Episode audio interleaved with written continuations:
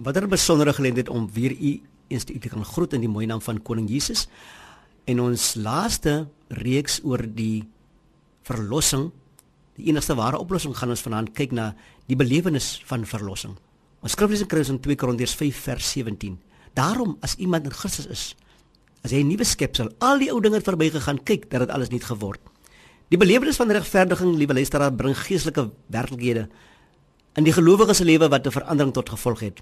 In regverdiging is die sondaar vergewe en vrygespreek volgens Lukas 7 vers 47. Romeine 4 vers 7 van die aanklagte van die sonde en regverdige ag en word die gawe van nuwe lewe aan hom gegee.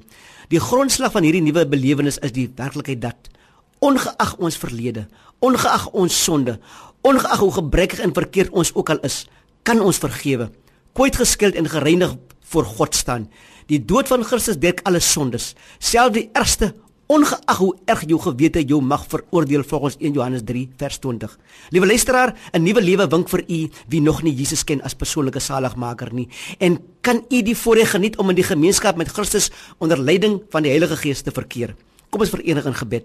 Here help ons dat ons elke dag met die wete leef dat ons as u ware kinders 'n nuwe natuur ontvang het, dat ons wedergebore is uit onverganklike saad en dat ons lewens geanker is in u lewende woord. Amen. Die Here seën elke getroue luisteraar.